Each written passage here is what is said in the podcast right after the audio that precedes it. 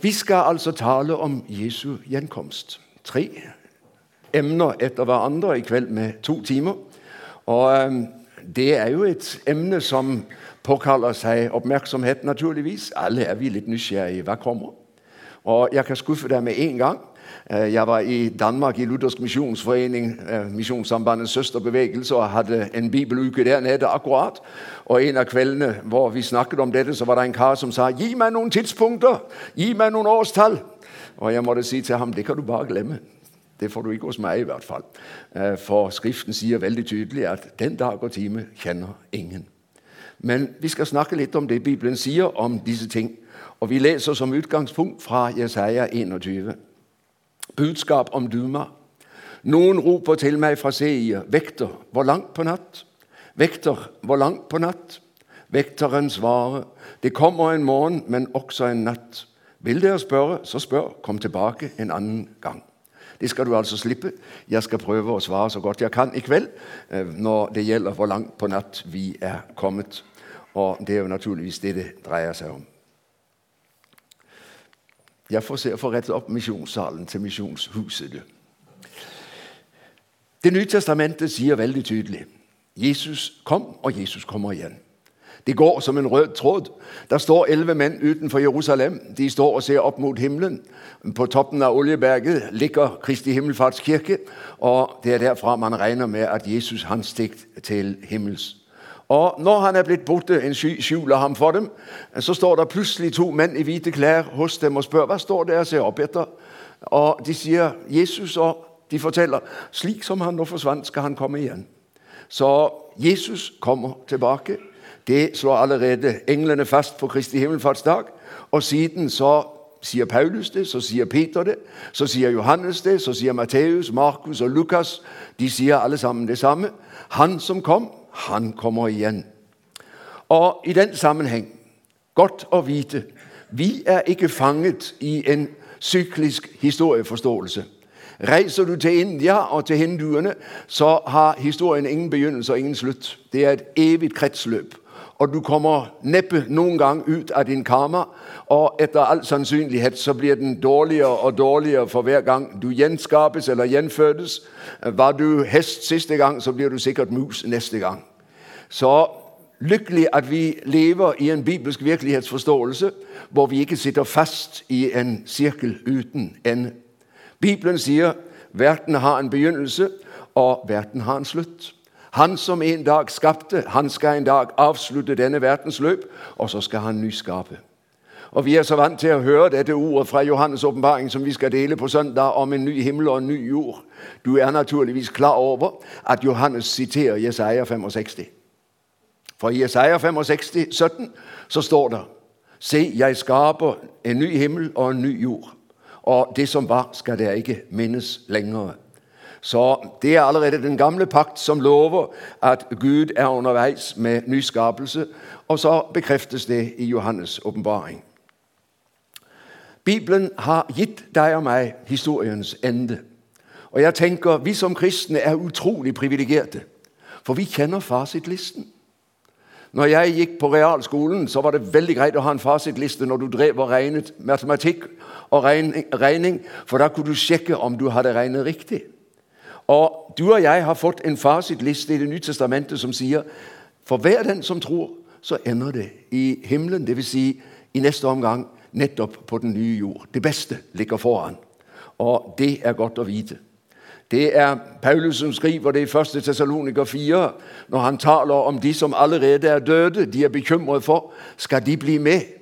Og Paulus sier, 'Jeg kan trøste dere.' Trøst hverandre med disse ordene. De skal bli med, og vi skal bli med sammen med dem. Paulus venter å oppleve Jesu gjenkomst på det tidspunkt.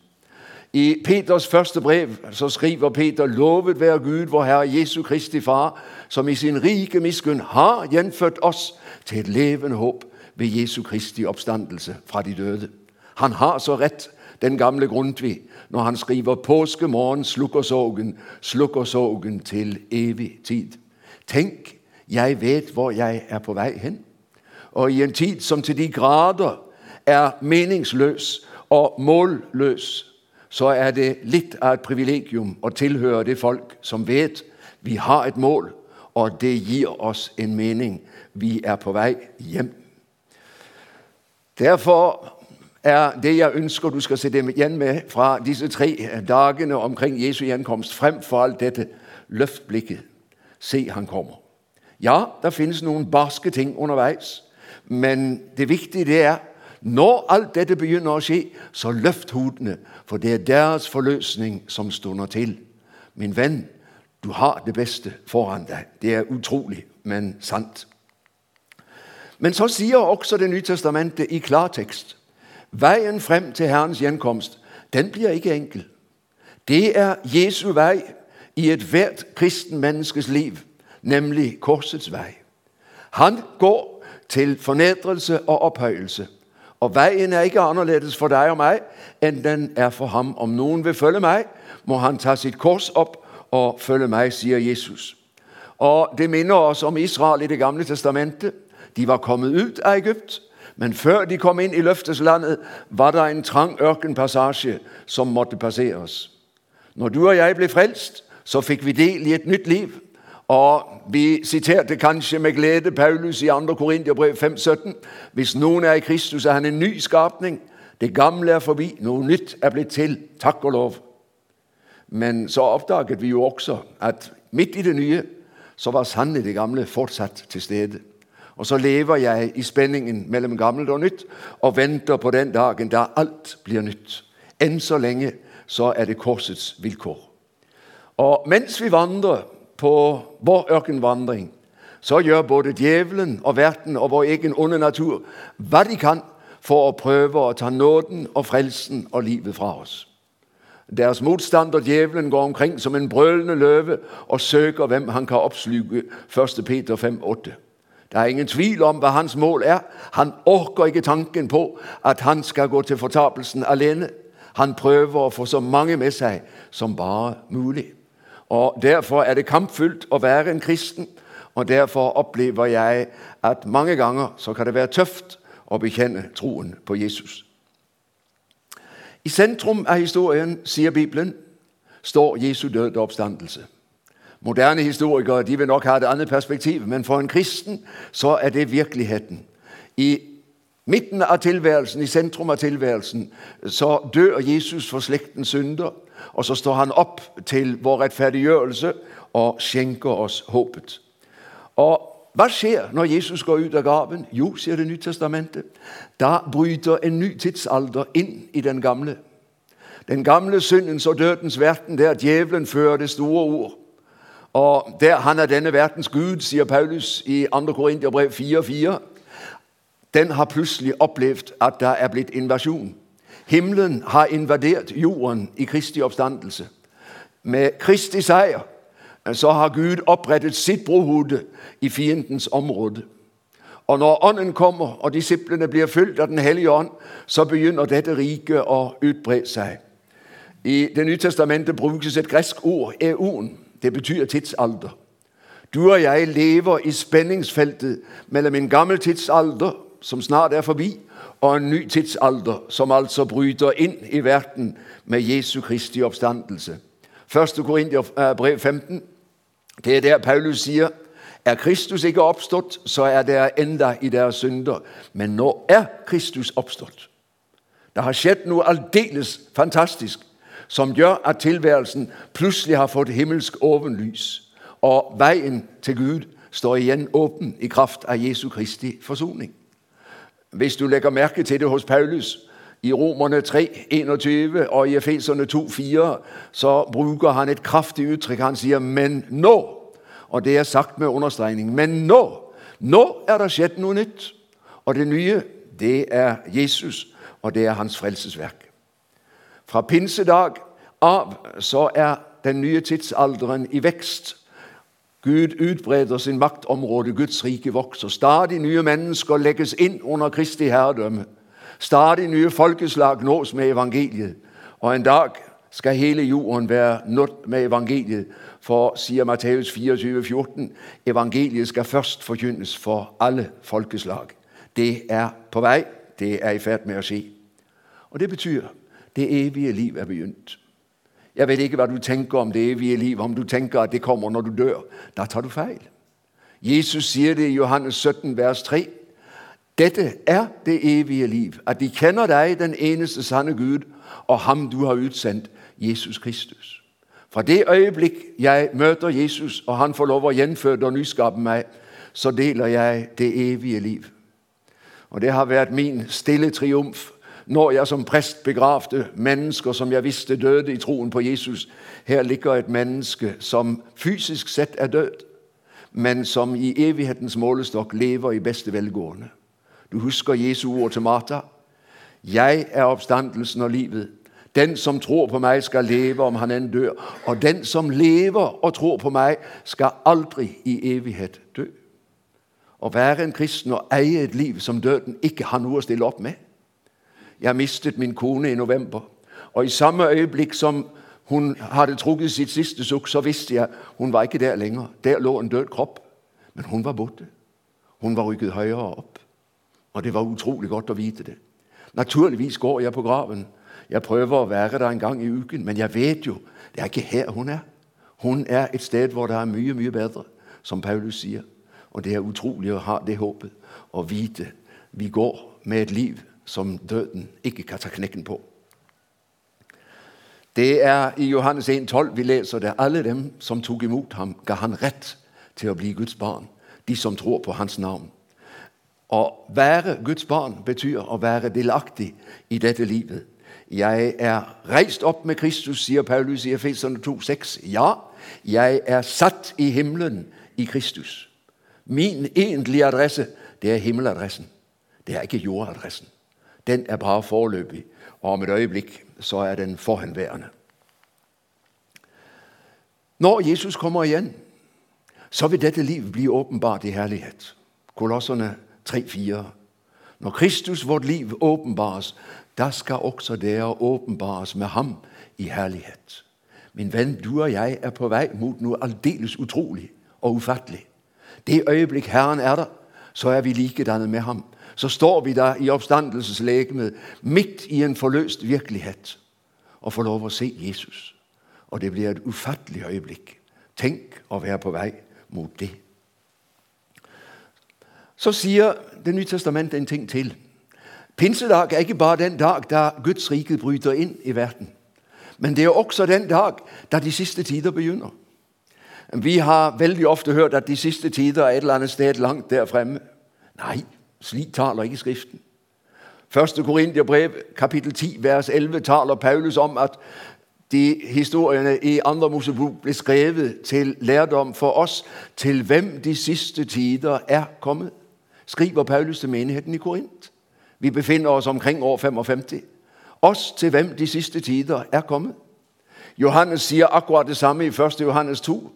Nå er de siste tider. Og i 1. Peter 21 eh, så tales det om at Kristus er blitt åpenbart ved tidenes ende. Og Der taler Peter om hans første komme. Så det er helt tydelig at Det nye testamentet har et annet tidsperspektiv enn det du og jeg veldig ofte har møtt i forbindelse med talen om Jesu gjenkomst. De siste tider er ikke der, det er nå. Vi lever midt i dem, og det har menigheten gjort helt fra pinsedag av. Så venter vi på at Herren skal komme og avslutte de siste tider og opprette det evige riket i herlighet. Og I den sammenheng eh, så sier Det nye testamentet ganske mye om det som skal gå forut. Og annet i Matteus 24 eh, så bruker Jesus hos Matteus et helt kapittel til å tale om det som venter og taler i den sammenheng om en rekke tegn som antyder at hans komme står nær for døren. Og Vi skal se litt på det sammen her i kveld. Noen tegn sier ennå ikke. La meg få lov å lese for deg fra Matteus 24. Jesus tok til orde og sa, 'Pass på at ikke noen fører dere vill.'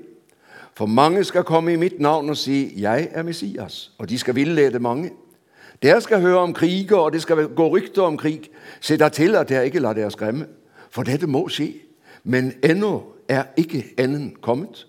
Folk skal reise seg mot folk og rike mot rike, og det skal være hungersnød og jordskjelv mange steder. Men alt dette er bare begynnelsen på fødselsrigene. Så der finnes en lang rekke tegn som sier Herren er underveis. Vi lever i de siste tider. Men samtidig sier Jesus tiden er ikke ennå. Disse tegn er ikke de endelige tegn for Herrens gjenkomst, men de sier han er underveis. Andre tegn sier nå er det rett før. La meg få lov å lese igjen fra Matteus 24, fra vers 29. Så snart denne trengselstiden er over, skal solen bli formørket og månen miste sitt lys. Stjernene skal falle ned fra himmelen, og himmelens krefter skal rukkes. Da skal menneskesønnens tegn vise seg på himmelen. Da skal alle folkeslag på jorden bryte ut i klagerop, og de skal se menneskesønnen komme på himmelens skyer med stor makt og herlighet. Når den store trengsel er forbi, da kommer Herren, sier Jesus her i Matteus 24. Hva betyr det? Den gamle verden er under avvikling. Fra påskedag er denne verden på vei ut. Den nye verden er i vekst, og en dag så overtar den fullstendig. Men du lar merke til uttrykket her i Matteus 24 om fødselsriene. Hva er det som fødes? Det er Guds rike. Det er den nye verden. Så vi lever i dødsveer fra den gamle verden og fødselsrier fra den nye verden. Og Derfor er det ikke så merkelig at verden ser ut som om den er i ferd med å gå av lage om igjen og om igjen. For hele tiden så befinner verden seg i krise. På vei mot avvikling, på vei mot forløsning og nyskapelse. Tre slags tegn taler Jesus om i den sammenheng. Han taler om tegn i folkeliv, i naturliv og i menighetsliv. Folkeliv, krig, rykter om krig. Folk skal reise seg mot folk, og rike mot rike. Les historien. Fra pinsedag og til i dag. Fins det noen tidspunkt på, eh, i historien hvor det ikke har vært krig et eller annet sted? Det er bare så vidt. Så Det er et av de endetidstegnene som preger hele avslutningsfasen fra pinsedag til Herren kommer. Krig og stadig nye rykter om krig, og vi opplever det også i vår tid. I Ukraina, i Etiopia, i Eritrea, rundt omkring i verden. Mange steder er det uro, og noen steder opplever de at folk reiser seg mot folk, og rike mot rike.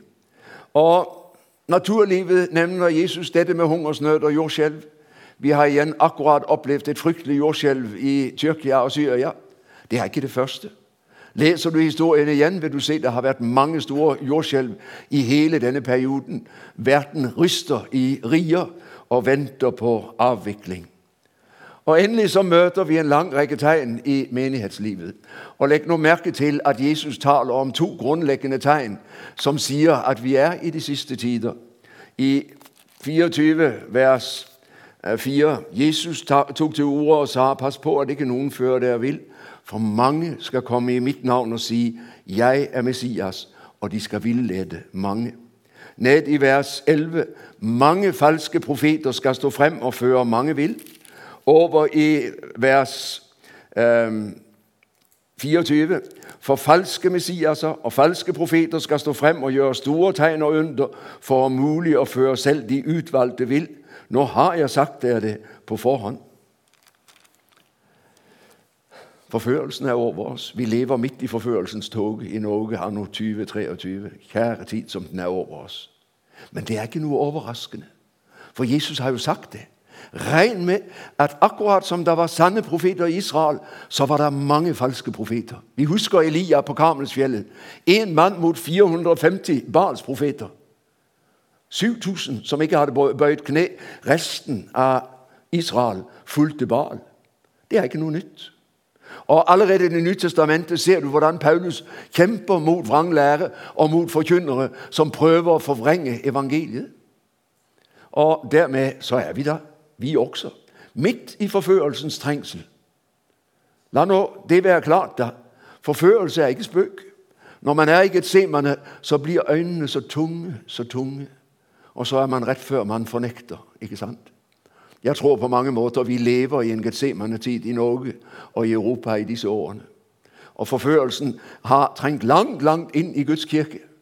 slik at man også der er med til å si ja til det som Guds ord sier nei til. Og masser av mennesker lar seg forføre, også i kirker og på bedehus.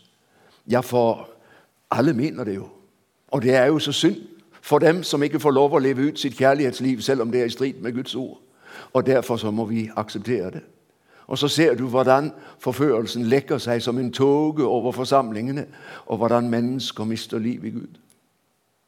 Jesus har advart veldig tydelig. Det vil følge menigheten fra pinsedag og til Jesu gjenkomst. Stadig ny forførelse. Og så lever vi i et tidsverv eh, hvor masser av kristne mennesker blir forfulgt. Eh, var det 750 millioner jeg så nevnt eh, som kristne som blir trakassert verden over i dag, av de åtte eh, milliarder som lever her? Det er et stort tall. Og mens du og jeg sitter lunt og varmt i misjonshuset i Kristiansand, så blir våre søsken torturert i fengsler i Iran, i Afghanistan, i Nord-Korea, i Vietnam og i Kina. Og kristne i India er utsatt for kraftig forfølgelse fra hindunasjonalister som vil at alle indere skal være hinduer. Vi eh, er så langt privilegert i Norge som slipper den korporlige forfølgelse. Vi får se hvor lenge det varer. Jeg sitter akkurat nå og leser bok om Hans Nilsen Hauge. Det er ikke mer enn 200 år siden at en mann ble kastet i fengsel i syv år, fra, 1804 til 1811, uten lov og dom. Fordi han hadde forkynt evangeliet. Ikke tro at det ikke kan komme til oss. Vi lever i en virkelighet hvor ideologiene ser ut til å ta kvelertak på folket. Tross fullstendig mangel på vitenskapelig grunnlag så hevder man at det finnes masser av kjønn, og at kjønn er flytende. Og så har vi fått en regjering som for øyeblikket prøver å innføre en ideologi som vil at vi alle sammen skal gå i pride-tog og si halleluja, og synes at det er kjempeflott. Med en kulturminister som er fanatisk når det gjelder denne ideologien, og som derfor ikke er interessert i å møte facts. For det vil avsløre at det hun prøver å hevde, det har ikke bærekraft. Jeg hadde besøk av en tidligere overlege, Torstein Huseby, fra Rikshospitalet i forrige uke. Han fortalte meg at de hadde hatt en eh, temadag i den, i den, kristne legeforening i Oslo omkring dette med kjønnsdysfori. Det var kommet mange flere enn de hadde ventet. Og Der hadde de bedt en biologisk professor fra universitetet om å holde foredrag. Og Han hadde sagt det med understrekning, mine venner, la det ikke være tvil. Det fins to kjønn, ikke flere. Alt annet er løgn. Biologien sier det finnes to kjønn. Men når det ikke passer inn i tegningen, så glemmer vi å spørre biologien. Så glemmer vi å spørre dem som sier det, for vi vil ha de svar vi liker.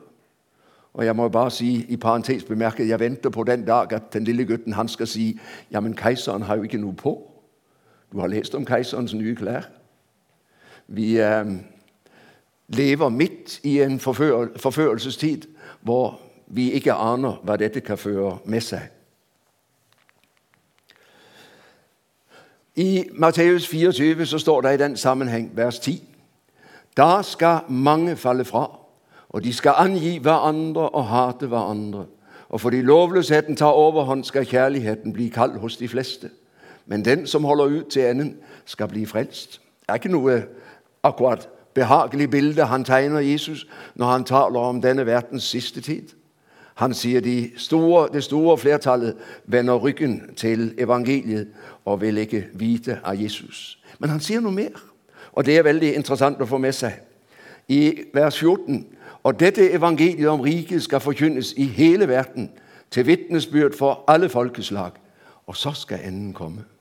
Så legg merke til det er to tegn helt motsatte. Det ene sier et stort frafall. Det andre sier evangeliet skal forkynnes for alle folkeslag. Forstå meg rett. En gang iblant så blir jeg så takknemlig for at vi bare er fem millioner mennesker i Norge. Og så vet jeg at evangeliet går frem med stormskritt. I Asia, i Afrika, i Sør-Amerika. Og så vet jeg at Gud har en stor innhøstning på gang. Og så sier det meg det er ikke bare svart. Og det gir grunn til frimodighet. Guds rike er i vekst. Også mens du og jeg sitter her, så legges det stadig nye mennesker til. Og det skjer i Norge også. Jeg var på Bjorli nå i påsken og prekte, og fikk høre om den herlige eldre damen på 83 som akkurat hadde overgitt livet sitt til Gud. Er ikke det flott, da? Så frelser Gud mennesker, unge og eldre, også hos oss, også nå.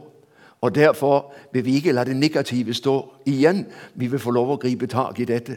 Guds rike vokser midt i og tross alt. Og Så sier Det nye testamentet veldig tydelig før Herren kommer, skal hele Israel bli frelst. Eh, Romerbrevet 11, 25. Det folk som i første omgang vendte ryggen til ham som folk, de skal en dag snu tilbake og ta imot evangeliet og bli frelst. Og så skal Herren komme. Men før Israel frelses, før kommer ikke Herren, for han må ha med sitt gamle eiendomsfolk. Far står og speider og ser etter den fortapte sønn. Kommer han ikke snart? Og Jeg skal få lov å komme litt tilbake til det mot slutten i kveld. Da har Jesus nevnt de generelle tegn som peker på at vi lever i de siste tider. I Matteus 24, 15, så går han et skritt videre, og så sier han når dere ser at det motbydelige som ødelegger, det som profeten Daniel har talt om, står på hellig sted, la den som leser, leser, leser opp, tyde det. Da må de som er i Judea, flykte opp i fjellene. Den som er på taket, må ikke gå ned for å ta med seg noe i huset. Og den som er ute på markene, må ikke vende hjem for å hente kappen sin. Ved dem som venter barn, og dem som gir bryst i de dager. Men be om at dere slipper å flykte om vinteren eller på sabbaten. For da skal det komme en trengselstid så stor som det aldri har vært fra verdens begynnelse til nå, og som det heller aldri skal bli. Om disse dagene ikke blir forkortet, vil ikke noe menneske bli frelst, men for de utvalgtes skyld skal disse dagene forkortes. Når det motbydelige som ødelegger, ødeleggelsens vederstykkelighet, sto det i den gamle bibelselskapsoversettelse. Hva er det han taler om? Det er i hvert fall tegnet på den store trengsel her i Matteus 24. Og det dreier seg Jeg skal snakke mer om det i morgen, men det dreier seg altså om dette når avguden tar Guds plass. Når menneskeguden overtar for den levende Gud. Det er ødeleggelsens vederstyggelighet. Og Jesus sier der kommer en tid da mennesket blir så travelt opptatt med å dyrke seg selv at det vil resultere i at alle de som hører Jesus til, de vil bli utsatt for en kolossal trengsel. I 2. Tessaloniker 2 så taler Paulus om lovløshetens menneske. La meg få lov å sitere litt fra det. Det var andre Tess jeg skulle ha tak i, ikke andre Tim. Der står det slik. La ingen villede dere på noen måte, for først må frafallet komme, og den lovløse vise seg, han som er fortapelsens sønn. Han står imot og opphøyer seg over alt som kalles Gud og helligdom. Ja, han tar sete i Guds tempel og utroper seg selv til Gud. Husker dere ikke at jeg sa dette da jeg var hos dere? Dere vet hva som nå holder igjen, slik at han åpenbarer seg først når hans tid er inne. Lovløsheten virker allerede med sin kraft, men i hemmelighet. For han som ennå holder igjen, må først bli ryddet av veien. Da skal den lovløse åpenbare seg, han som Herren Jesus skal utrydde med pusten fra sin munn. Og Når den lovløse kommer, har han sin kraft fra Satan og virker med stor makt og med under og falske tegn. Med all slags urett forfører han dem som går fortapt, fordi de ikke ville elske sannheten, så de kunne bli frelst. Så både Jesus og Paulus, og vi skal se også Johannes i åpenbaringen, taler om en periode som skal bli uhyre trang for den kristne menighet. Åpenbaringen sier Djevelen han er beseiret i Kristi korsdød og oppstandelse. Og Derfor er han styrtet ned fra himmelen. Du kan lese det i Åpenbaringen 12. Mikael har stridd med ham, og han er kastet ned. Og Han vet hans tid er kort, og derfor raser han. Så prøver han å ta livet av menigheten. Det klarer han ikke. Men da vender han seg mot de enkelte kristne, og så kaller han opp av havet et dyr, et aldeles forskrekkelig dyr, som blir hans redskap til forførelse og til ødeleggelse. I Johannes første brev taler, taler Johannes om Antikrist, en motkristus, som opptrer som Messias, som folkefrelser, men som har helt motsatte kjennetegn av det Jesus har. Du kan lese det i 1. Johannes 2. I andre test hørte du lest hvordan Paulus han taler om den lovløse. Og i åpenbaringen tales det om dyret. Og vi må vel regne med at det er samme sak Jesus, Johannes og Paulus taler om. Før Herrens gjenkomst så skal dyret stige opp av havet, Og på søndag skal jeg lese åpenbaringen 21, 1-5. Der står der, jeg så en ny himmel og en ny jord, det nye Jerusalem stige ned fra himmelen fra Gud, gjort i stand og smykket som en brud for sin brudgom. Og havet finnes ikke mer. Jeg var i Danmark og prekte nede på den jyske vestkyst. Der lå en sånn misjonsbåt, og jeg ble spurt om jeg kunne komme ned og være med til å tjene litt der. Det gjorde jeg. Og Der satt en eldre kar som var veldig molefonken. Han så ikke særlig glad ut. Og Jeg satte meg bort til ham og sa ja, åssen står det til? Huff, sa han. Jeg har ikke lyst til å komme til himmelen. Å, sa jeg. Har du ikke lyst til å komme til himmelen? Nei, for det står havet skal ikke være mer, og jeg er fisker. Hva skal jeg gjøre da? Han var ganske barsk når han sa det. Så vi fikk oss en lang prat om glasshavet og om livets elv. Og Jeg sa til ham jeg er helt sikker på at det blir mye fiske på den nye jord. Men det havet som representerer kaos, Guds og hat, det havet er borte. Det ugjennomsiktige hav med alle dets farer. Hva slags hav er det snakk om? Ja, Når du leser det verset i Åpenbaringen 20, så husk hva som står i kapittel 13, vers 1. Jeg så et dyr stige opp av havet. Hva slags hav? Folkehavet. Det er det kaoshav dyret kommer fra. Og Det bekreftes i Åpenbaringen 17 når det er tale om den store horen. For hun sitter ved de mange folkeslag, og det beskrives som et hav. Så havet som ikke er mer, det er det forferdelige hav, som heldigvis en dag skal være ferdig. Men opp av dette havet stiger altså ham som djevelen kaller frem, som sitt redskap. Da er det veldig interessant når du leser Det nye testamentet, og gå gjerne, gå gjerne hjem og etterprøv det jeg sier nå. Men når Jesus taler i, om de siste tider i Matteus 24, så har han akkurat forutsagt tempelets ødeleggelse i slutten av kapittel 23. Og Så kommer disiplene og spør når skal dette skje, og er tegnet på verdens ende. Og Så taler Jesus om tempelets ødeleggelse og verdens ende i samme åndedrag. Og Fortolkerne sliter enormt i Matteus 24 med å finne ut av når snakker han om Jerusalems ødeleggelse, og når snakker han om verdens ende. Og Jeg tror det er veldig bevisst. Jesus sørger for å holde dette sammen, slik at det er umulig å si hva gjelder Jerusalems ødeleggelse, og hva gjelder verdens ende. Og Det er helt tydelig når han i Matteus 24 taler om Jerusalems ødeleggelse, så er det i den sammenheng han sier de som er i Judea, de skal flykte opp i, bjerge, opp i fjellene. De som er på taket, skal ikke stige ned, de skal bare se å komme seg vekk, for da kommer det en stor trengsel. Og det gjorde det. I år 68 omringet eh, Vespasian og Titus Jerusalem. Og så fulgte det et par forferdelige år inntil Jerusalem lå aldeles i ruiner, og tempelet var ødelagt, og folket var ødelagt eller drept mer eller mindre. Det er helt tydelig at Jesus taler om det som har med tempelets ødeleggelse å gjøre.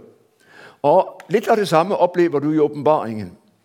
Når Johannes sitter på Patmos i år 95, så er han blitt forvist for Jesu navn, for Jesu, for, for Jesu ords skyld, står det i kapittel 1. Han er altså forvist av troen. Hvorfor? Fordi keiseren i Rom, Domitian, han er etter de kristne. Han forlanger at de alle sammen skal dyrke keiseren, og når de ikke vil det, så tar han livet av dem, eller han forviser dem. Han prøver å lukke munnen på dem og bli kvitt dem.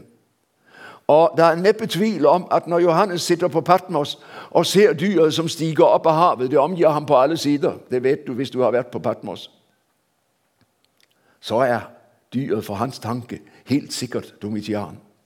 Det er det dyret Satan har kalt frem, som nå presser den kristne menighet og er etter den. Og For ham så er det ikke tvil om at den store trengselen må være det som foregår inne på fastlandet, rundt omkring hvor det er kristne. Han lever midt i en trengselssituasjon og opplever den på kroppen. Og taler om det han opplever. Johannes' åpenbaring er ikke skrevet med tanke på år 2500. Det er skrevet med tanke på de kristne inne i Lille Asia som sitter og leser fordi det er tilsendt dem. Skriv til menigheten i Efesos, i Smyrna, i Pergamon osv. Og, og så er det dem han taler til. Det profetiske ord er ikke først talt om noe som skal skje langt, langt fremme. Det profetiske ord taler inn i tiden. Og Det betyr Johannes opplever den store trengsel. Og disciplene opplever den store trengsel i forbindelse med Jerusalems ødelæggelse i år 70. Dette er ikke noe som ligger langt, langt fremme i tiden. Dette er noe de står midt oppi. Hva trekker vi ut av det? Det at trengsel det er et kjennetegn på hele endetiden. Vi lever i de siste tider, og hele endetiden er preget av dette at om igjen og om igjen så prøver Satan å forføre Guds folk. Og så presser han Guds folk gjennom forfølgelse. Les kirkehistorien, og så vil du se det har skjedd om igjen og om igjen og om igjen. Og hvor stor kan en trengsel bli når kristne henrettes i Nord-Korea eller i Iran? Eller elleve koptere blir henrettet på en strand i Libya i 2014 av IS? Kan du tenke deg noen større trengsel enn det? Jeg tror vi ofte tenker, tenker, feil, for vi plasserer den store trengsel som en stor, mørk sky der fremme, som er ved å ta vettet av mange. For hvordan i all verden skal vi komme gjennom den? Og så er de ikke klar over at de er allerede midt i den store trengsel. Jeg sa jeg mistet min kone. Jeg har gått og tykket mye på det ordet. Hun har stridt den gode strid, fullført løpet og bevart troen. Stridt den gode strid. Du og jeg er midt i den. Og den store strid, det er trengselens strid, fordi den onde prøver å ta livet av oss. Den forførelse vi utsettes for i Norge i disse årene, kan vi oppleve noen verre forførelse enn det? Eller den som vår forrige generasjon opplevde når Hitler prøvde å legge hele Europa under nazismens jernhæl. Og Tyskland i stor grad la seg flate for forføreren. Eller når Putin i dag prøver å kvele enhver motsigelse og tvinge hele det russiske folk til å heie på ham og si han er helten. Hva er det for noe? Er ikke det den store trengsel? Jeg tror det. Og Derfor tror jeg at istedenfor å gå og frykte for et eller annet der fremme, så vær klar over mange av dere er allerede snart igjennom den store trengsel. For dere er blitt såpass voksne at dere har ikke så altfor lenge igjen. Og Dermed så er det kanskje en virkelighet som er mye nærmere enn det vi ofte har tenkt. Jeg tror vi er der. Og Da sier Johannes' åpenbaring i vers 8 i kapittel 13 at dyret skal få makt. Det skal bli gitt det makt til å vinne over de hellige. Det er ikke noe særlig lystelig perspektiv, men også det bekrefter jo historien. Om igjen og om igjen har det sett ut som om Guds kirke var ved å være ferdig. Som om det skulle lykkes forføreren og forfølgeren å ta livet av Guds folk. Og så er undret at Herren midt i dette klarer å holde oppe folket sitt. Men perspektivet sett utenfra når Johannes sitter på Patmos, det er Domitian skal lykkes. Nero lykkedes langt på vei. Han fikk tatt livet av en masse kristne. Så utenfra sett så ser det om igjen og om igjen ut som om Guds folk taper. Husk langfredag. Det ser ut som det store nederlag. Jesus dør på korset. Nå er det slutt. Det er ikke mer. Nei, det er ikke sant. For han som dør, han eier livet. Og om to dager står han opp igjen. Og slik er det med Guds menighet. Vi lever under presset av en forfører som ønsker å ta livet av oss. Men om igjen og om igjen bekrefter oppstandelsens kraft seg i dette at Guds folk lever videre. Vi hadde i Danmark på, um, under krigen, i den andre verdenskrigen en prest som het Kai Munk, uh, som talte tyskerne rett imot, og som gikk sterkt i rette med dem for deres uhyrligheter. Til sist ble Hitler så trett av ham at han ville ha ham vekk. og Man kom og hentet ham den 4. januar 1944 i prestegården. Han trodde han skulle i konsentrasjonsleir. Neste morgen fant han, man ham med tre nakkeskudd rett utenfor Silkeborg, midt i Jylland. Han sier i et skuespill han skriver før krigen om jødeforfølgelsen i Tyskland, som for øvrig ble oppført over hele Skandinavia i årene før krigen. Der sier han la en av rolleinnehaverne, en biskop, si følgende De tror de har oss langfredag, men vi narrer dem påskemorgen. Fantastisk. For et perspektiv. Guds menighet. Om igjen og om igjen ser det ut som nederlagets folk. Ikke la deg nare. For vi er på parti med den oppstandende. Og det betyr om enn de tar vårt liv, Guds ære, barn og vi, la far hen, la gå. Guds rike vi beholder, synger Luther i sin kjernesalme, hvor Gud han er så fast en borg. Frykt ikke for dem som slår legemet ihjel, men frykt for ham som har makt til å kaste både sjel og legeme i helvete. Ham skal dere frykte. Å være en kristen, å være midt i Guds omsorg. Du har vært med til å synge det mange ganger. Du omgir meg på alle sider. Han er foran meg, han er bak meg, han er under meg, han er over meg. Det betyr ikke at ikke djevelen kan ta livet av meg. Men det betyr uansett så er jeg i Guds hånd. Og det er litt av et perspektiv å få lov å leve under. Dyret tåler ikke Guds sanne menighet. Derfor angriper og beseirer den menigheten. Og, sier Johannes' åpenbaring, der kommer dyr opp av jorden også. En slags propagandaminister, en slags Goebbels, anti-ånden, som hjelper Antikrist, og som herliggjør dyret. Akkurat som Ånden kom for å herliggjøre Kristus. Du kan lese det i Åpenbaringen 13. Jeg skal ikke lese det for deg nå. Den falske profet motsvarer Åndens gjerning. Og så sier Det nye testamentet akkurat som det finnes en guddommelig treenighet, så finnes det en satanisk treenighet. Og Det er i den sammenheng du møter dette med dyrets merke. Hva dreier det seg om? Det dreier seg om at det vil være et folk på jorden til enhver tid som følger dyret, som tjener dyret, som lar seg forføre, som dyrker vellysten, mennesket og seg selv, og som går den ondes ærend. Det er ikke noe nytt. Det vil du finne hele veien fra pinsedag til Herren kommer. Slik er det. Og denne sataniske treenighet prøver altså å hindre at Guds folk skal overleve, at evangeliet skal spre seg. Leser du Åpenbaringen 7, så vil du se at Herren beseiler sitt folk. Han setter merke på de som hører ham til, Den hellige ånd. Hva er det mer naturlig enn at dyret beseiler sitt folk? Naturligvis. Og der hvor Guds rikets og Guds folkets tall er sju Sju seil, sju menigheter, sju ånder. Sjutallet møter du gjennom hele Johannes' åpenbaring. Det er dyrets merke. Seks, seks, seks. Og Man har forsøkt mange fortolkninger. Nero, Cæsar, Hitler. Det er sikkert riktig alt sammen. Jeg syns den beste fortolkningen jeg har møtt på det, eh, det var gamle bibelskolelærer Lars Eriksland som sa Satan er en apekatt. Det hadde han lært av Luther. Han prøver å etterligne Kristus, men han når aldri opp. Han kommer aldri lenger enn til sekstallet. Han kommer aldri til syvtallet. For han blir aldri Gud. Gud lar seg ikke spotte, og Satan har ingen sjanse i møte med ham. Så for meg er det en oppbyggelig tanke.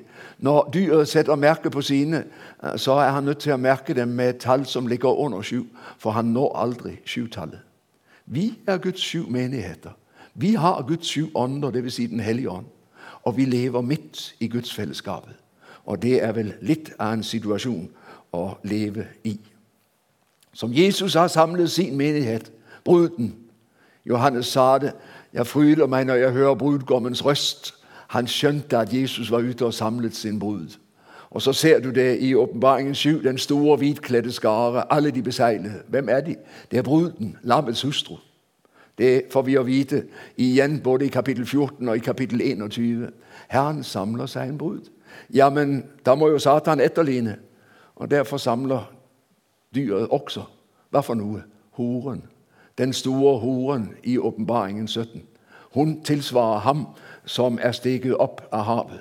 Hun er også nedefra, sånn som han er.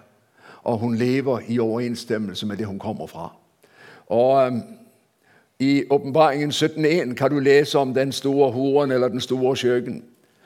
Hun sitter midt i verdens sentrum der hvor alle folk, verdens folk er.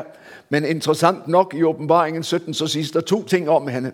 Hun sitter ved de store vann, ved alle folkeslagene, og samtidig hun er i ørkenen.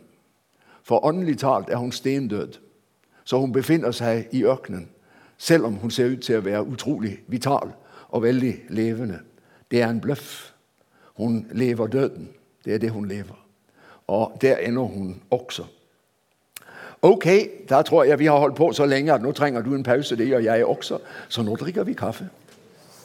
Jeg tenker iblant på Paulus og Peter og Johannes. De var heldige. Ikke hadde de PC, og ikke hadde de mikrofon.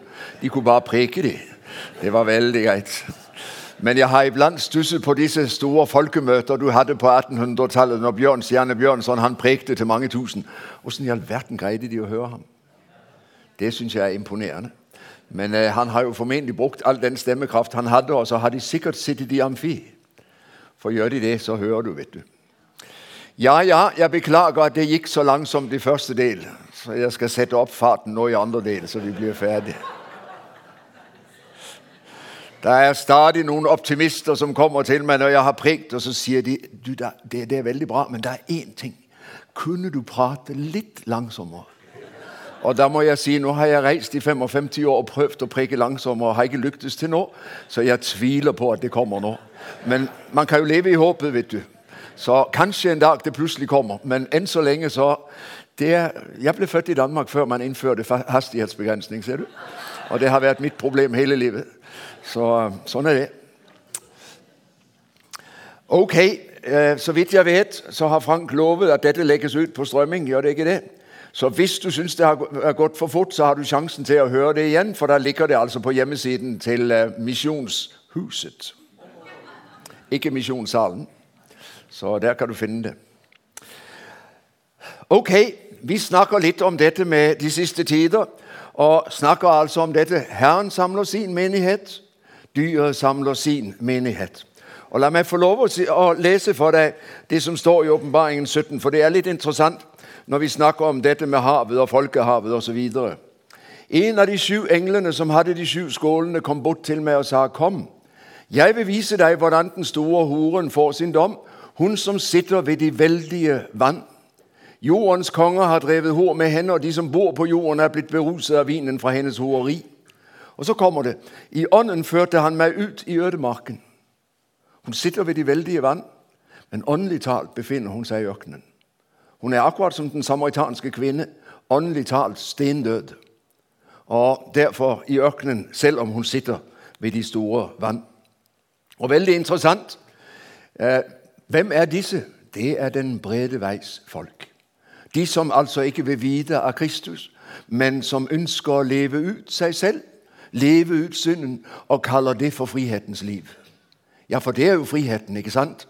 Å drikke seg fra sans og samling på lørdag og ikke ane hva man er med på, det er jo så salig. Og jeg fatter og begriper ikke hva gleden skal være, for når man ikke husker noe, så kan det da ikke være særlig festlig. Men det er helt tydelig at i hvert fall i en del kulturer eller sammenhenger, så er det den store gleden. Eller å få lov å gi seg hen til den ene etter den andre i en promiskuitet som synes å være uten grenser. Og det er så utrolig salig. Istedenfor å være tro med den ene og få lov å oppleve kjærlighetens rikdom. Eh, gamle Søren Kirkegård han sier det finnes to slags kjærlighet. Det finnes den slags kjærlighet som alltid er på jakt etter noe nytt og aldri blir tilfreds med det gamle. Og så finnes det den slags kjærlighet som i det gamle alltid finner noe nytt. Ja, tenk litt på den. Ja. Og gå hjem og takk Gud for den som du lever sammen med. Og Har det ikke veldig greit, så jobb litt med det for det var Guds vilje at dere skulle ha det. Den brede veis folk, det er horens folk. Og Det er veldig interessant å se i kapittel 17, vers 3. Jeg så en kvinne sitte på et skarlagenrødt dyr som var overstrøtt med navn som var en spott mot Gud.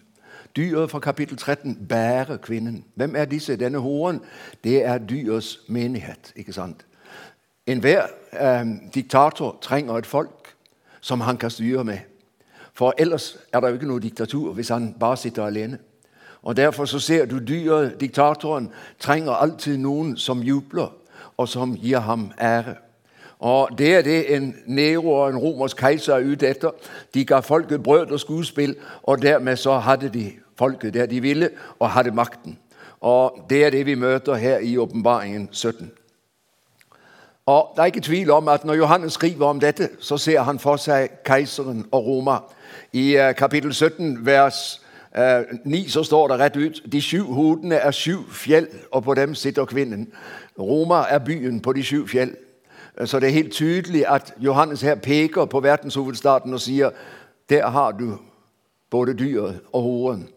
Hun bæres av ham, og han lever av at hun gir ham sin tilbedelse og, sin, og, og, og gir ham makten. ikke sant? Horene er bildet på nytelsessamfunnet. Eh, vi taler i dag om eh, den globale landsby. Og hva kjennetegner den globale landsby for veldig mange? Jo, det er nattklubbene. Det er det søte liv, hvor man får lov å leve ut sine drifter og sine lyster uten grenser. Og Bibelen kaller det altså hor. De som har nok med denne verdens herlighet. Men det vet du. Mens en brud hun er trofast mot sin brudgom, så er en hore etter sitt vesen troløs, naturligvis. For hun lever av hvem som betaler henne best, og derfor skifter hun etter som betalingen er. Og Derfor er det veldig interessant å se hvordan det går med dyrets forsamling i Johannes' åpenbaring 17. For hvis du går ned i eh, vers 16 eh, her i dette kapitlet, så står det og de, de, de ti hornene du så på dyret, og dyret, de skal hate horen, legge henne øde og kle henne naken, spise kjøttet hennes og brenne henne opp med ild. Dyret tar livet av hun som sitter på ryggen ad. For han er aldri trygg. Kan han være sikker på at hun forblir trofast? Hva er det som kjennetegner diktaturet? Meningstvangen. Og dem som ikke er på linje, dem kaster vi i fengsel. For vi tar ikke sjansen på at noen reiser kritikk, for da kunne vårt styresett ramle sammen. ikke sant? Hvis noen våger å si noe, det er livsfarlig. Og Derfor er det jo typisk at i et Russland av i dag så må man kvele enhver meningsytring som ikke er i overensstemmelse med det Putin vil. For det kunne være med til å skape misnøye. Og Det er typisk for ethvert diktatur. Eh, når jeg har skrevet Hitler i parentes på veggen, så er det rett og slett fordi jeg tenker på denne filmen som du sikkert har sett, med Hitlers siste dager i bunkeren i Berlin. Der møter du en, en, en, en mann på grensen av sinnssyke. Og Det er veldig interessant å se hva han sier, og det er sitert etter folk som var sammen med ham. Han sier når Tyskland nå blir ødelagt, så får de som, som de fortjener for de har ikke gitt meg sin lojalitet godt nok. Så for ham er det helt greit at Tyskland går under. Når han går under, så kan folket gå under. Han har ingen medlidenhet. Han er bare opptatt av seg selv. Og det er jo menneskeguden. ikke sant? Alt dreier seg om meg. Eh, det blir sagt om Trump at han er veldig opptatt av én ting, nemlig Trump. Og det er nok ganske riktig. Der hvor jeg vil ha makt, der blir jeg veldig ofte kolossalt selvkonsentrert. Og så er jeg i tvil om alle mine følgere nå følger meg godt nok. Og dermed så er det greit når de går til grunne. Det er veldig interessant. Dyr gjør det av med sitt eget folk. Og så forteller åpenbaringen 19 at dyret og den falske profet de ødelegges av Jesus selv. Det er vel slaget ved Hamageddon. Da ender det i evig katastrofe, for de kastes rett i ildsjøen, sier Johannes i åpenbaringen 19. Eh, og dermed er det ute med dyret. Og det er det du og jeg skal bære med oss. Syndens lønn er alltid døden. Du behøver ikke være misunnelig på synderne, for de ender i katastrofe. Og Derfor eh, så er det alltid tragisk når mennesker vender ryggen til Gud. For synden ser så vakker ut, og den er så livlig å smake, og den bærer dødens smak, for den ender i fortapelse. Slik taler Den hellige Skrift om det å gi synden rom og gi synden makt. Det fører alltid til død. Men det er altså etter den store trengsel at Jesus kommer. Og hvis min tolkning er rett, at Johannes taler om Domitian, at Jesus taler om Jerusalems ødeleggelse, og at den store trengsel mer eller mindre kjennetegner hele tiden fra pinsedag til Jesu gjenkomst, så betyr det simpelthen igjen du og jeg kan aldri regne ut når han kommer. For vi vet aldri når trengselen når sitt toppunkt. Det er vel meget sannsynlig at vi skal oppleve en siste forferdelig antikrist som reiser seg mot Gud, og som samler slekten under sitt herredømme. Mye legger til rette for det i dag. Når den trengselen er forbi, så er tiden for at Jesus kommer inn og henter sitt folk hjem. Hør hva det står i Matteus 24, i, fra vers 31.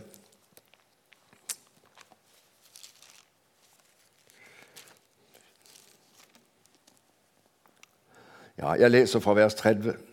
Da skal menneskesønnens tegn vise seg på himmelen. Da skal alle folkeslag på jorden bryte ut i klagerop. Og de skal se menneskesønnen komme på himmelens skyer med stor makt og herlighet. Når basunen lyder, skal han sende ut sine engler, og de skal samle hans utvalgte fra de fire verdenshjørner, fra den ene enden av himmelen til den andre. En dag henter Jesus endegyldig sitt folk hjem. Nå henter han oss én og én. Og Interessant å være kommet i min alder og se hvordan den ene etter den andre blir borte. Jeg måtte sitte og tenke på det i bilen bortover. Alle dem jeg har mistet bare i løpet av de siste par årene, som ikke er her lenger. Gode venner som er hjemme hos Herren. Vi hentes én for én, plukkes inn, og så kommer det en siste stor innhøstning. Jesus sier det i uh, Johannes 14.: Jeg går bort og bereder dere sted, og når jeg har gjort i stand sted for dere, kommer jeg igjen og henter dere til meg for at dere skal være der jeg er. Min venn, han står og venter på deg, og i hans time så henter han deg inn til herligheten. Og Derfor skal vi slippe å grue oss. Det er jo det interessante. I kraft av Jesu oppstandelse så har døden mistet sitt herredømme over deg. Du må dø fysisk, ja, men i det øyeblikk du dør, så bærer døden deg inn i Abrahams fang for å bli i bildet fra lignelsen om den rike mann og Lasarus, eller inn i møtet med Jesus. ikke sant? I dag skal du være med meg i paradis. Så du og jeg får lov å eie den frimodighet i møte med døden. Den kan bare tjene meg, for den bærer meg til Jesus. Og I eh, 1. Tessaloniker brev 4 så sier Paulus det veldig interessant, det også. La meg få lov å sitere det for deg. For om eh, La oss se. Dette sier vi der med et ord fra Herren. Vi som fremdeles lever og blir igjen helt til Herren kommer, skal slett ikke komme før dem som er sovnet inn. For når befalingen lyder, når erkeengelen roper og Guds person høres, da skal Herren selv stige ned fra himmelen, og de døde i Kristus skal stå opp først. Deretter skal vi som er igjen og ennå lever, bli rykket bort sammen med dem i skyene for å møte Herren i luften. Og så skal vi være sammen med Herren for alltid. Tenk det. For meg ble det også en av virkningene av pandemien. Jeg har reist med evangeliet hele mitt liv. I to år fikk jeg lov å være sammen med henne jeg elsket. Fantastisk. Jeg hadde aldri opplevd det før. Og en dag skal jeg være sammen med ham som min sjel elsker, Jesus, i all evighet, og aldri mer rykkes bort derfra. Litt av et løfte og litt av et perspektiv. Vi skal rykkes opp, de som ennå lever. De andre de skal stå opp. Og Så uh, antyder åpenbaringen en lang fredstid. Det er snakket mye om tusenårsriket. Um, I åpenbaringen 20, 4-6 kan du lese at den første oppstandelse finner sted, og at de troner med Kristus og hersker med ham. Og Satan skal være bundet i tusen år, og dette er en av de store store gåtene i Skriften. For her blir fortolkerne ikke enige. Taler Johannes om en fremtid, eller taler han om nutid? Augustin og Luther mente at han talte om kirkens tid. Veldig mange fortolkere vil være uenige med dem og si nei, det dreier seg om et fremtidig rike, og tiden får vise hva som er. Men noen forstår det. F.eks. gamle biskop Utnem i Kristiansand. Han var veldig overbevist om at tusenårsriket var fremtidig, og det skulle bli den store misjonstid da jødene skulle være de ivrigste misjonærene av alle. Tiden får vise hva som kommer. Og det som er interessant, der nevnes en eneste gang i Skriften dette tusenårsperspektivet. Tre vers i Johannes' åpenbaring 20. Så det tilsier det bør være veldig, vi bør være veldig varsomme med å lage for mye teologi ut av tre vers. Eh, for um, en sak bør helst være bredere begrunnet i Skriften før vi sier for sterke ting om den. Men det blir spennende å se om dette er noe som venter. I hvert fall sier Johannes' åpenbaring når den tid er forbi, så kommer den store dom. Og så skal vi alle frem for Kristi domstol. 2. Korinterbrev 5.10.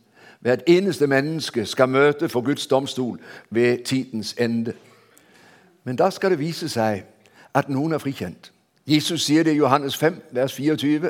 Den som hører mitt ord og tror på meg, han kommer ikke for dommen, men er gått over fra døden til livet. Er ikke det en motsigelse at vi skal få dommen og ikke skal få dommen? Nei, det er ikke det.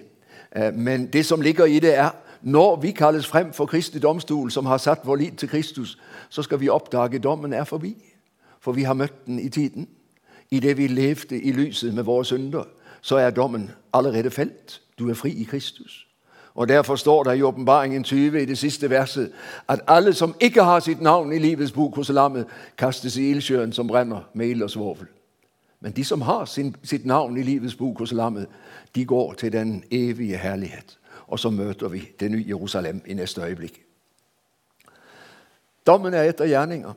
Det er veldig interessant. Både i Det gamle og Det nye testamentet så sies det om igjen og om igjen at vi skal dømmes etter våre gjerninger. Ja, Men blir vi ikke frelst av tro, da? Jo, vi blir frelst ved tro. Men troen, den vil alltid ytre seg hvis det er levende tro. Husker du i Jakob 2, hvordan Jakob taler om det? Vis meg din tro uten gjerninger, og så skal jeg av gjerningene mine vise deg min tro. En tro, som ikke ytrer seg, det er ingen tro. Det er bare prat. Alt sant kristenliv er fruktbærende. Den, som blir i meg og jeg i ham, han og hun bærer mye frukt. Og Selv om du ikke ser det og ikke er klar over det, så vær klar over, der hvor du lever med Jesus, der lever fruktene etter deg. Du ser det ikke, han ser det. Og en dag skal du få lov å se det, når du står for Kristi domstol. For der skal det vise seg troen var der. Den viste seg i sine frukter. og derfor dømmer Herren fri på grunn av den levende tro. Så slik er det med dommen etter gjerninger. Mange vil i dag nekte fortapelsens mulighet. Vi har hørt den ene etter den andre, prester og biskoper osv., som forteller oss at det er ingen fortapelse. Ikke la deg lure. Falske profeter har mange skikkelser. Det er klart, at det er mye mer behageligt at være præst og biskop, når man kan si til folk, det er ingen fortapelse. Problemet er bare, at de får Guds ord imot seg, For Guds ord sier noe annet. Guds ord slår det veldig tydelig klart. Der er en dobbelt livsutgang.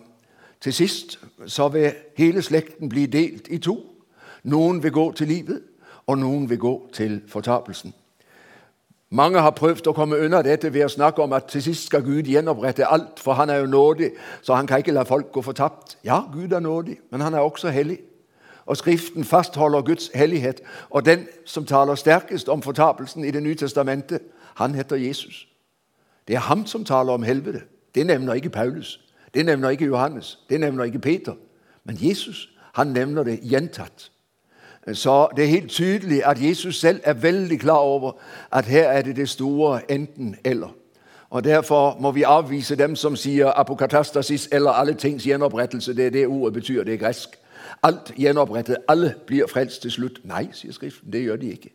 Jeg skulle ønske, at de ble det, men skriften sier noe annet, og jeg må bøye meg for den. Adventistene, Jehovas vitner, sier de som ikke blir frelst, de blir tilintetgjort. De dør, og så er de borte. Nei, sier skriften, det er ikke sånn. Og La meg få lov å begrunne det bare ganske kort for deg, så du skjønner, at dette ikke er noe jeg sier, men det er skriften, som sier. Vi kjenner den lille bibel. Så høyt har Gud elsket verden, og han gav sin søn den enbårne, for at hver den, som tror på ham, ikke skal gå fortabt, men har evig liv. I Johannes 3, 36 står der, den, som tror på sønnen, har evig liv. Den, som er ulydig mot sønnen, skal ikke se livet, men Guds vrede er og blir over ham. Jeg vet ikke, hva du får ut av det, men for meg er det umulig å læse det anderledes, end at her står det at det er to utganger, og at det dreier seg om frelse og fortabelse. Og Jesus selv sier det i den store lignelsen om dommen i Matteus 25, når han taler om sauene og bukkene på henholdsvis høyre og venstre side. Så står det i vers 34, så skal kongen si til dem på sin høyre side, Kom hit, dere som er velsignet av min far, og ta i arv det rike, som er gjort i stand for dere fra verdens grunnvoll ble lagt. Men om de andre, så står der i vers 41, så skal han si til dem på venstre side, Gå bort fra meg, der, som er forbannet, til den evige ild, som er gjort i stand for djevelen og englene hans. Og nede i vers eh, 46, og disse skal gå bort til evig straff, men de rettferdige til evig liv. Jeg innbiller meg at jeg kan lese såpass innad, innad at jeg er klar over, hva som står der. Og det, som står i hvert fall i min bibel, det er, at her er et tydelig skille mellom frelse og fortabelse. Det er en fryktelig tanke. Jeg skjønner veldig godt dem, som gjerne vil bort fra den. Men Bibelen lar oss ikke i, i tvil om, hvor dette går. Og derfor ligger der jo et sterkt kald. Hvorfor ble organisasjonene startet, indre missioner, hætningemission på 1800-tallet? Fordi mennesker leste dette. Og fordi de plutselig kendte et veldig ansvar. Vi må jo sørge for å forkynde evangeliet, så mennesker kan bli frelst. Og så gikk man til naboen, og så gikk man til Kina, og så gikk man andre steder på kloden, fordi man visste det dreier seg om frelse eller fortapelse. Og så kendte man kallet og drivet til å forkynde det evangelium, som er i stand til å frelse. Jeg tror ikke, verden har forandret seg så veldig fra 1800-tallet. Jeg tror, vi er akkurat der fortsat. Og derfor går det et veldig kaldt fra disse sterke ordene til deg og meg om å være vitner der hvor Herren har satt oss. Om å leve med Jesus og antyde for dem vi er sammen med, det fins en annen vei. Det finnes et annet mål. Det finnes en annen Herre som det går an å tjene. Han heter Jesus. Og så, når dommen er falt, så er forløsningens time inne. Der kommer et øyeblikk der alt som heter forgjengelighet, er slutt. Og der alt av nytt. Og Vi skal tale om det på søndag formiddag, hva det, det innebærer. Men da skal Jesus seier på korset omsider nå sin fulle utfoldelse. Og Da skal det vise seg at han døde ikke bare for mennesker, men han døde for hele skaperverket. Det er veldig interessant i Kolossene 21 å se at Paulus sier at han døde og forsonte alt med seg, det som er i himmelen og det som er på jorden. Derfor venter vi ikke bare sjelenes frelse, vi venter nye himler og en ny jord. En helt ny tilværelse hvor skaperverket er forløst. For alt det ligger inne i Kristi seier på langfredag. Det er litt av et perspektiv. Hvor langt er vi kommet? Vi må prøve å komme i mål, og vi må ha litt tid til spørsmål, så nå skal jeg prøve å gå inn for landing. Vekter, hvor langt på natt? Ja, en gang til understreker jeg, og Jesus sier det veldig tydelig i Matteus 24, 36. Den dag og time kjenner ingen, ikke engang englene i himmelen, ikke engang Sønnen, kun Faderen. Gud, han er den som avslutter når tiden er der. Og jeg tror du tenker feil hvis du tenker at dette er et fast skjema, og Gud har bestemt at den 7. august 2036 så er det slutt. Nei, det er ikke sånn. Gud er en levende Gud. Og Gud står i en levende korrespondanse med sitt folk på jorden. Derfor sier Jesus, be og bli ikke trette. Be om hva som helst Nei, be om hvilket.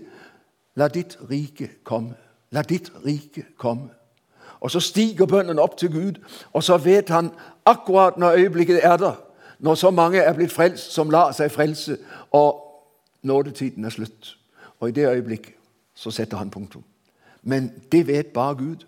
Og Gud vet det sett nedefra, ikke som et skjema, men nettopp i en levende korrespondanse med sitt folk på jorden. Vi er med til å be frem den dagen, men Herren fastsetter den av sin egen makt. Og Derfor, hver gang du hører noen som begynner å regne, vær klar over de regner feil.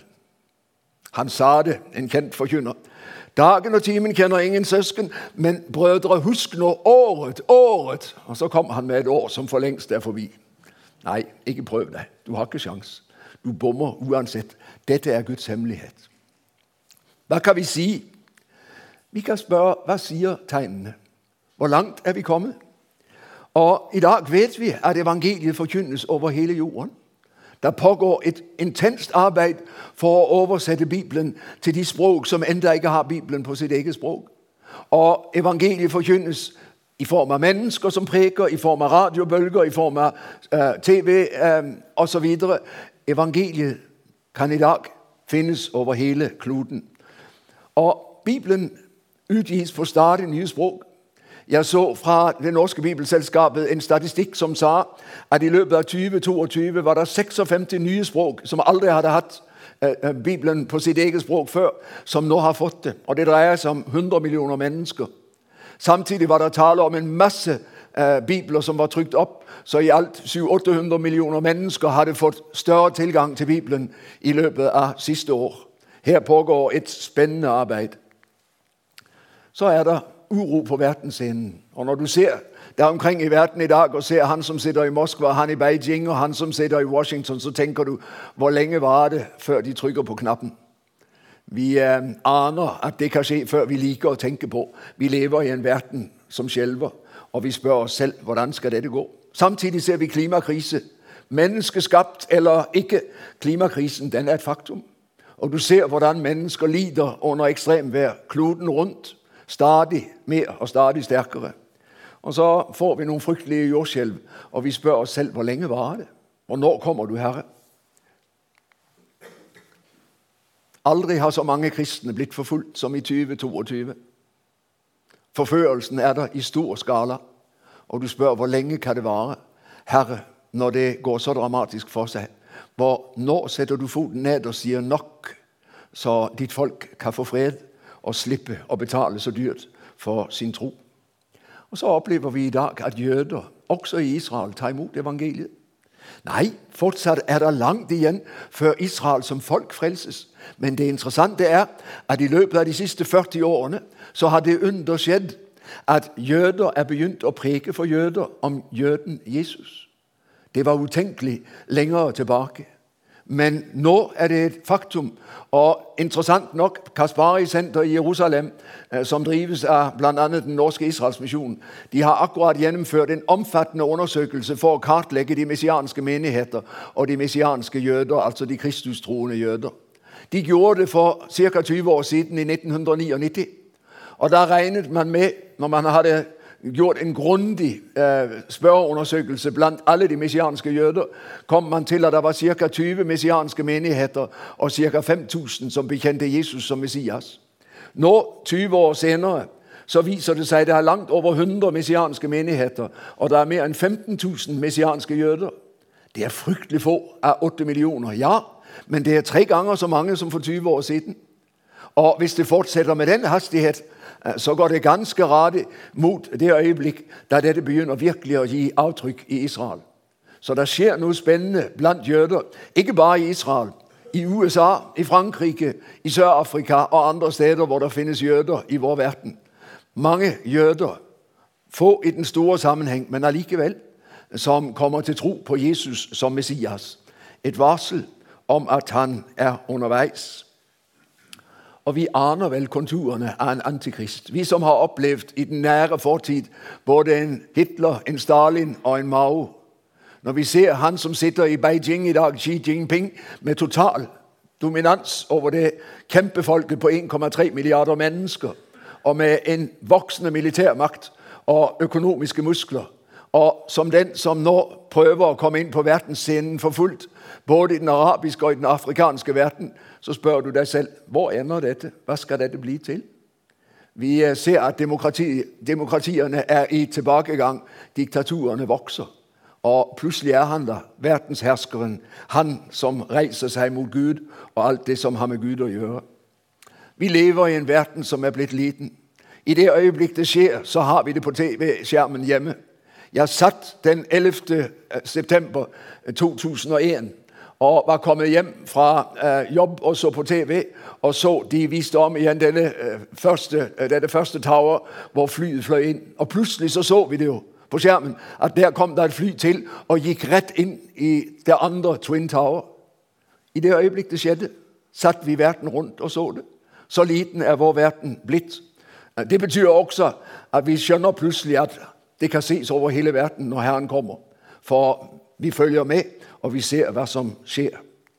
Og Så tenker jeg Jeg hører det pågår en ivrig diskusjon for øyeblikket i en del miljøer omkring dette med kunstig intelligens og etikken i den sammenheng. Og Jeg hørte noen som jobber med dette, som sa vi er for sent ute. For det er allerede kommet for langt til at vi klarer å sette grenser.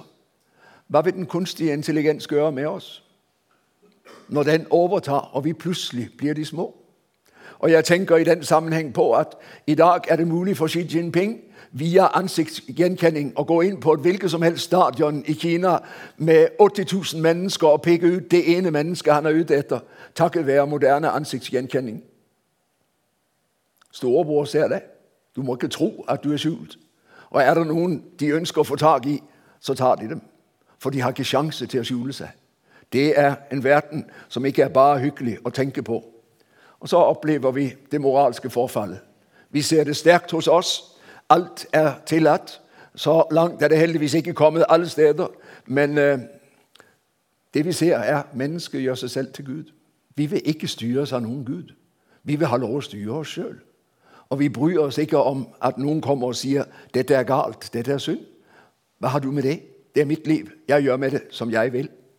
Og så møter vi det i forbindelse med abort, vi møter det i forbindelse med flytende kjønnsgrenser, vi møter det i forbindelse med dette med dødshjelp, eutanasi.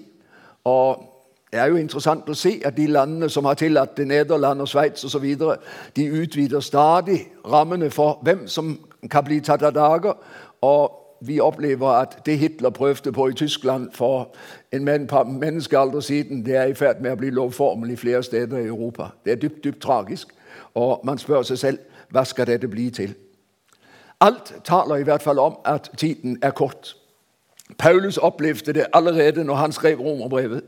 Og idet jeg nærmer meg slutten, så la meg få lov å sitere for deg fra Romerne 13. Der sier han det slik. Dessuten vet dere hvilken tid det nå er. Timen er kommet da dere må våkne opp av søvnen, for frelsen er oss nærmere nå enn da vi kom til tro. Natten er snart slutt, og dagen er nær. La oss derfor legge bort mørkets gjerninger og kle oss i lysets rustning. La oss leve sømmelig som på lyse dagen, ikke i festing og fyll ho og utskeielse strid og misunnelse. Men kle dere i Herren Jesus Kristus, og vær ikke så opptatt av kroppen at det vekker begjær. Timen er kommet da dere må våkne opp av søvnen, for frelsen er oss nærmere nå enn da vi kom til troen, sier allerede Paulus. Hva samler det seg i? Det samler seg i dette at du og jeg har rettssak med Gud. Det er det store, avgjørende spørsmål. Hvor står du i forhold til ham? Han sang det, den gamle brødremenighetsforstanderen i Kristiania i 1830. Holm het han. Han var leder i det som het Herrnhutten, eller Brødremenigheten. Han skrev en liten salme, du har sikkert hørt den. Hvor salig er den lille flokk som, som Jesus kjennes ved. Og så spør han i andre verset, men Jesus, er jeg en av dem? Vil du meg kalle din? Står jeg for deg som hine fem, med lys i lampen min? O, la meg ei til hvile gå, før det om jeg kan visshet få, før du kan få det svar fra meg. Du vet jeg elsker deg. Og Syns du det er vanskelig å si det, så vær klar over han elsker deg. Og der skal du få lov å søke din trygghet og din livsgrunn. Og husk så det er Jesus som kommer. De siste tider er ikke et skremmeemne. Det er ikke et emne som skal ta motet fra deg. Ordet om Jesu gjenkomst det er et ord om håpet. Jeg var så heldig i denne uken de første par dagene å være i Tønsberg og undervise på en liten bibelskole som Frikirken har. Og Jeg gjennomgikk den eh, der borte første og andre Peters brev. Og det slo meg når jeg arbeidet med dem om igjen, hva Peter skriver vers, eh, kapittel 1. Ham elsker dere enda dere ikke har sett ham. Ham tror dere på enda dere nå ikke ser ham. Og dere jubler og er fylt av en glede så herlig at den ikke kan rommes i ord. For dere når troens mål, frelse for deres sjeler. Hørte du det? Og dere jubler og er fylt av en glede. Og jeg tenkte med meg selv jeg har visst jublet for lite over Jesu gjenkomst. Jeg tror jeg må til å juble litt mer. For det er jo virkelig det beste som er underveis. Tenk å få lov å møte ham som hele mitt liv er bygget på, og som hele min frelse er knyttet til. Om et øyeblikk står han i døren, og du og jeg skal få lov å hilse ham velkommen og vite det er det beste som kan skje. Vi er der ganske snart. La oss be. Herre Jesus, vi takker deg for det levende håp. Vi takker deg for den herlighet du har beredt for oss i din døde oppstandelse. Og vi ber deg, la oss ikke mangle på den dag, Herre. Men hjelp oss til å ha deg som vår livsgrunn og vårt livshåp. Og la oss oppleve, Herre, at du kommer og gjør alt nytt. Hold oss fast i troen og før oss gjennom det som livet utfordrer oss på, på en slik måte at vi ikke kommer bort fra deg og ikke mister troen. Herre, vi ber deg for vårt folk og for folkeslagene. Herre, la evangeliet få lov å nå lenger ut, så mange flere kan bli frelst før du kommer. Og Herre, fri vårt folk ut av forførelsens forferdelige grep, så de igjen våger å ta imot ditt ord og tro på deg. Reis opp forkynnere som våger å forkynne ordet slik det står, til frelse, omvendelse og vekkelse. Herre, se til oss i nåde. Kyrie eleison. Amen. Ja vel, Frank, da tror jeg jeg har gjort jobben min. Ikke helt, for du sa det skulle være anledning til spørsmål. Tusen takk, Kurt Hjemdal. Du legger ikke skjul på alvoret. Du bagatelliserer ikke alvoret, men du bagatelliserer sannelig ikke heller håpet og gleden. Det er Jesus vi venter på. Er det noen som har spørsmål, kommentar? Rekk opp en hånd, så skal jeg komme til deg med mikrofonen, slik at alle kan høre det. Ja um, Rett på sak. Et spørsmål det var en sak som jeg savna, egentlig. Eh, opprykkelsen. Ja, flott. Hvor er den i denne sammenheng? Ja, den er ifølge eh, Paulus i 1. Tessaloniker 4 når Herren kommer igjen og de døde oppstår. Da rykkes menigheten opp. Jeg tror ikke noe på den snakk om opprykkelse før trengsel. Det stemmer ikke med Skriften. Jesus sier ikke å være disippel er å unngå trengsel. Han sier å være disippel er å bære sitt kors. Og i, sånn som jeg leser i hvert fall både Matteus og Johannes' åpenbaring, så er det helt tydelig at trengselen den rammer Guds folk. Det er menigheten som kommer i trengsel. Og Leser du 1. Tessaloniker 4, så er det helt tydelig at de dødes oppstandelse og opprykkelsen hører sammen som to sider av samme sak. Opprykkelsen nevnes to steder, nemlig i 1. Tessaloniker 4 og i Matteus 24. To skal være sammen på marken, to skal være sammen, og den ene rykkes opp, og den andre lades tilbake. Eh, hvis du skal plassere det inn i Johannes' åpenbaring, for opprykkelsen er ikke nevnt så langt jeg kan se, Eh, jeg vet at pinsevennerne leser den i kapittel 4, og jeg tror det er helt meningsløst. Men i kapittel 20, i forbindelse med den tusenårige fredstid, så står det da er den første oppstandelse. Og Hvis det går på det Paulus skriver om at de døde skal stå opp, at Herren altså vekker sitt folk av graven, så må det være der opprykkelsen finner sted, så vidt jeg kan forstå, ut fra 1. Tessaloniker 4. Så det tror jeg er svaret jeg vil gi deg på det. Du må veldig gjerne være uenig. Ja, ja, nei, for all del. Jeg mente ikke det, men altså, jeg opplever jo at disse tingene er jo ting vi diskuterer, for her er det forskjellige syn. Og det er jeg veldig klar over. Det er slett ikke sikkert at jeg har funnet de vise sten. Det kan godt være andre har funnet dem. Jeg taler ut fra det jeg har sett så langt.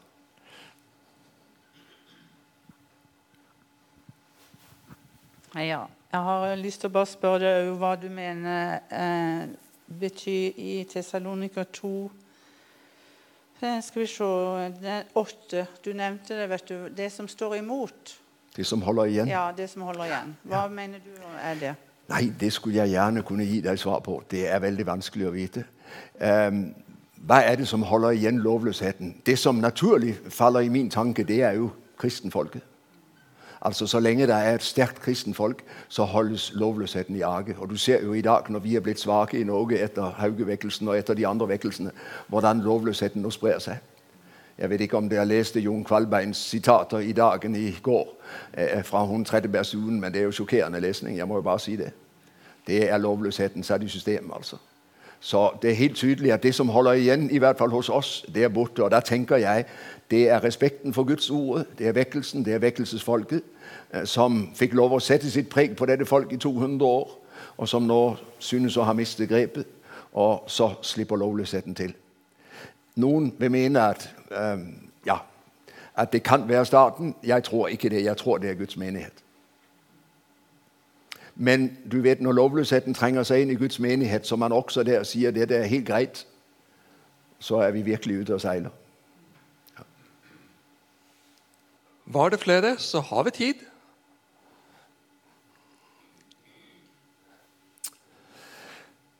Ja, gå hjem og tykk på det. Du fikk mye å tykke på i kveld. Ja. Og eh, Det går veldig godt an å fortsette i morgen kveld eh, med spørsmål. På søndag tror jeg det blir litt vanskeligere fordi det er gudstjeneste. Men også i morgen vil det være anledning til å stille spørsmål. Så du som plutselig kommer på noe klokken to i natt, du kan ta og skrive det ned, og så komme i morgen kveld i stedet. Alle tiders. Takk så langt, Kurt. Jeg gleder meg til fortsettelsen i morgen. Takk for oppmøtet i dag, og velkommen igjen i morgen halv åtte og søndag klokka elleve.